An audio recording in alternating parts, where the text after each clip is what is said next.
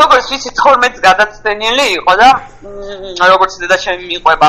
ხო შესთავაზეს რომ 28 ჩაწერეთო და დედა ჩემმა უარი თქვა და 29 ჩააწერინდა მაინც.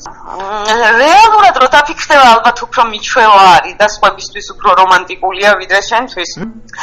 აა ასე გამორჩეულად ვერ ვიტყვი რომ 29-ს ველოდები მთელი 4 წელი და ხაცას როცა დაბადების დღეს ვიხდით როგორც გვაწყობს ხოლმე 28-ში ან პირველში და ვაკეთებდი ყოველთვის და ნუ რა თქმა უნდა ახლა 29 ნიშნავს იმას რომ შენი ნამდვილი დაბადების დღე არის და რაღაცა გამორჩეულად გინდა რომ აღნიშნო წელს მაგალითად შეგვიშალა ხელი ვირუსებმა და არ გამოგვივიდა.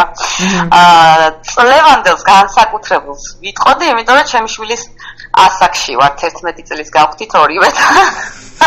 სასაცილო ეს არის. 11 წლის ვარ, მაგრამ 44 წელი ვისხოვრე.